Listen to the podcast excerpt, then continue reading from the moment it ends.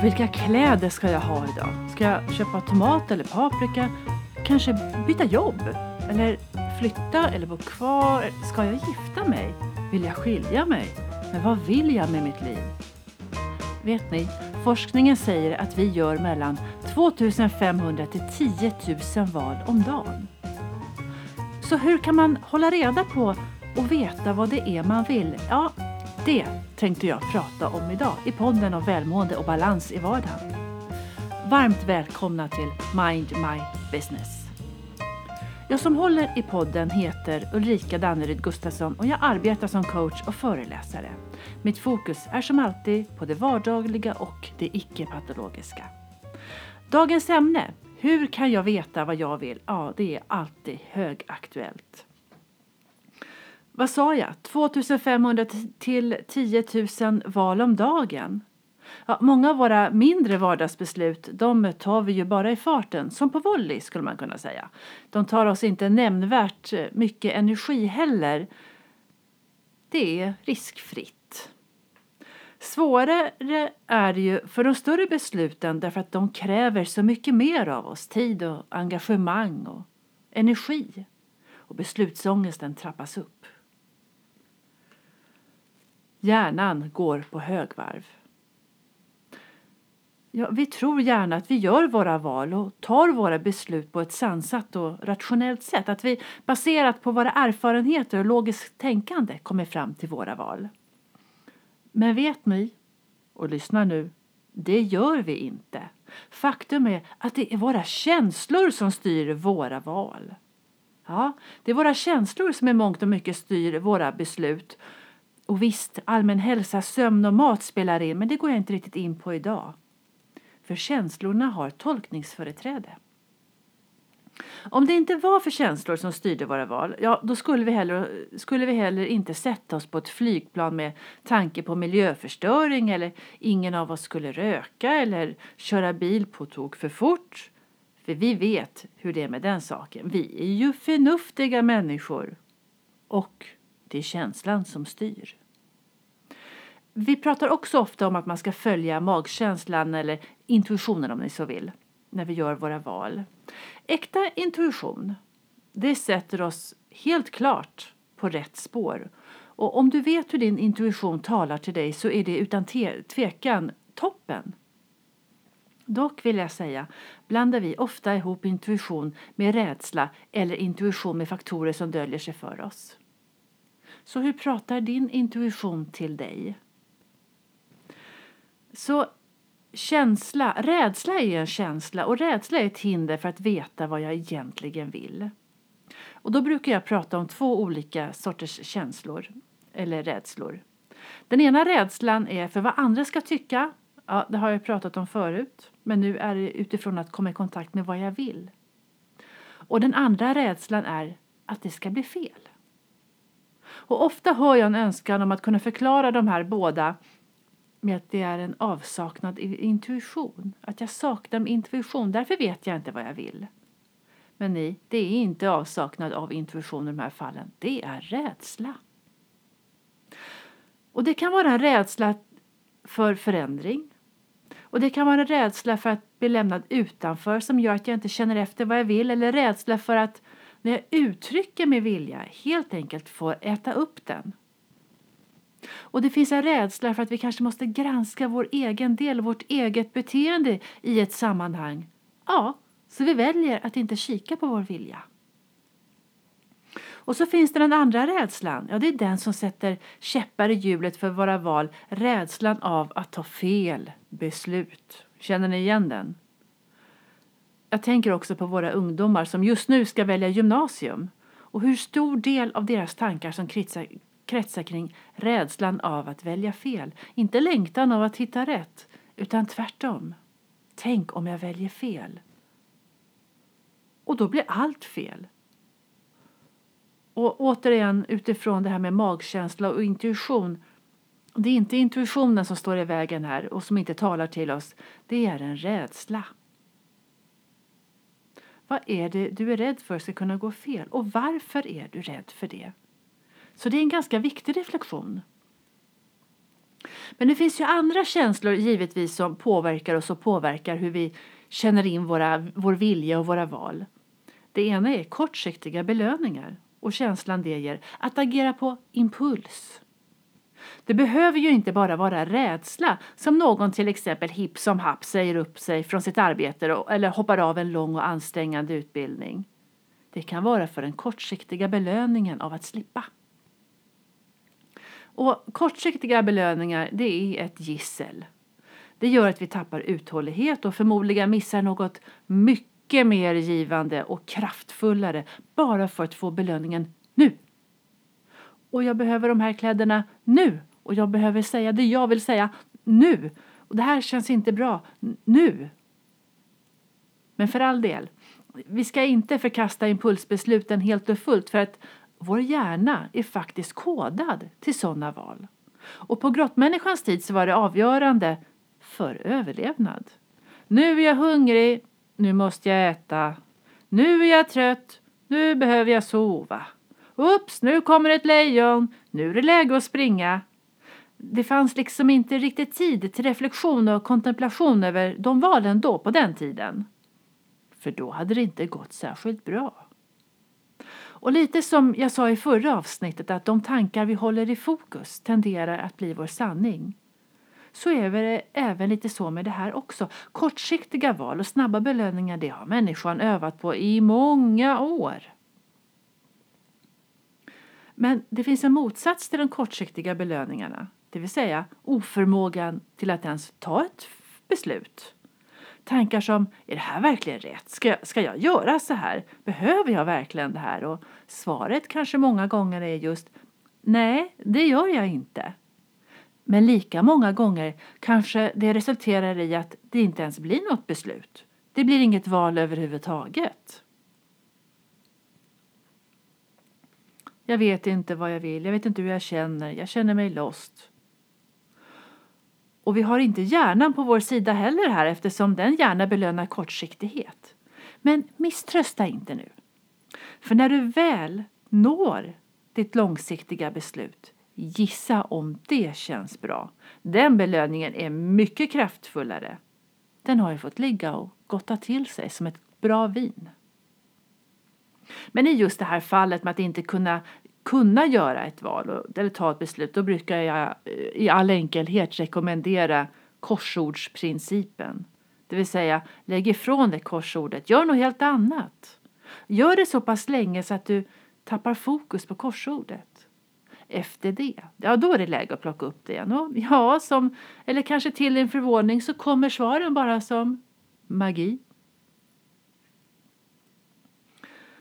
Ja, är vi då offer för vår hjärna kan man ju fråga sig. Ja, på sätt och vis så är vi kanske det. Tills det att vi blir medvetna och får upp ögonen för det. Och nu när vi ändå åtminstone har öppnat ögonen, ja då kan vi ju även kika på vem är det som styr dina val? Vems vilja är det som styr? För det är nämligen ofta inte vår egen. Och är det inte vår egen, ja då handlar det ju om att det är andras tyckande och tänkande som avgör dina val. Då kanske det är dina föräldrar och vad de har förväntat sig av dig. Och det kan vara vad din partner tycker är lämpligt. Eller det kan vara vad gruppen tänker och tycker och, och gruppens normer eller hur samhället är formar. Och så har du kanske någonstans längs vägen här glömt bort dig själv och vad du vill för att vi är så upptagna med att vilja det andra vill att vi ska vilja. Därför att vi tror att det blir bäst så. För då behöver vi inte känna efter. Ja, ni hör, det är inte så konstigt att vi tappar kontakten med vår egen vilja. Och vad gäller att komma i kontakt med sin vilja så brukar man prata om tre sätt. Och kris är ett sånt. När vi är i kris så kommer vi i kontakt med vår väldigt sanna vilja. Nu önskar jag ju ingen att behöva hamna i kris för att lyckas ta reda på vad han eller hon vill. Men vid kris så rycks våra föreställningar om hur livet ska vara upp med rötterna. Och plötsligt så får vi ett helt annat perspektiv på livet och ett annat perspektiv på vad vi vill. Har vi här ork och kraft så kan vi börja diktera hur vi verkligen vill ha det utifrån den nya bilden. Och det här är vanligare än vad vi tror. Och varför är det det? Jo, därför att nu får vi, eller nu behöver vi, aktivt och medvetet vara med och skapa. Kris, ja. Mm. Det andra är raka motsatsen, det vill säga stillhet. Jag brukar säga att stillhet kommer, i stillhet kommer svaren. Och med det menar jag att när vi befinner oss på ett lugnt ställe bortom all stimuli som vi utsätts för i vardagen. Och det här stället kan vara i en meditation eller, faktos, eller faktiskt de facto på ett lugnt ställe. Och när vi är där och befinner oss där så kan vi höra den där till början lilla rösten som skiljer sig från våra vanliga motiv och impulser. Vi kan få höra den tala. Men den talar så tyst och försiktigt att den kan vara svår att höra. Och men har vi en gång fått nys om att den finns, ja då vill vi gärna höra mer. Och tillåter vi oss att lyssna så kommer även känslan att växa sig starkare och ackompanjera den rösten. Så det var kris och det är stillhet. Och den tredje är handling. Och det är nog ändå här vi kommer i kontakt med vår vilja till vardags. När vi aktivt brottas med vardagen och med allt vi gör på daglig basis. När vi hamnar i en hetsig diskussion med någon och vi känner energin av vår vilja. Eller när vi blir riktigt arga. Eller när vi storhandlar, går ut med soporna. Men här i handling till vardags kanske vi snarare kommer i kontakt med vad vi inte vill. Har vi dessutom för mycket omkring oss så kan det vara så att vi kategoriserar den där lilla rösten inombords som tappert försöker göra sig hörd som en dröm. Och vad brukar sägas om drömmar och, och drömmare? Nej, nej, här ska vi ha båda fötterna på jorden. Drömmar är till för dem som ändå redan mår bra och ja, har tid och i mitt liv finns det inte plats för sånt. Jaha. Och med det var vi tillbaka till våra förutfattade meningar och våra hinder för att faktiskt våga lyssna. Inte till någon annan, utan att lyssna till oss själva. Och det är ju ändå hit vi vill nå, att medvetet kunna vara i kontakt med vår egen vilja, vad jag vill och vad jag behöver, utan att behöva vara i kris och utan att behöva krångla till det. Men låt mig vara tydlig. Att vara i kontakt med sin vilja betyder inte att vi kör över andra för att få vår vilja fram och stå på barrikaden. Att komma i kontakt med sin vilja handlar inte om att det måste kosta pengar för att det nu ska uppfyllas någonting orimligt. Nej. Att vara i kontakt med sin vilja, eller sin inre kompass som jag får kalla det det, handlar om att inse att vi har förmågan att välja. Vi har ett val. Vi har ett val hur vi ska relatera till andra och hur vi ska förhålla oss till vår omgivning och vilken förändring vi vill åstadkomma. Att vara i kontakt med sin vilja är att ta tillbaka makten.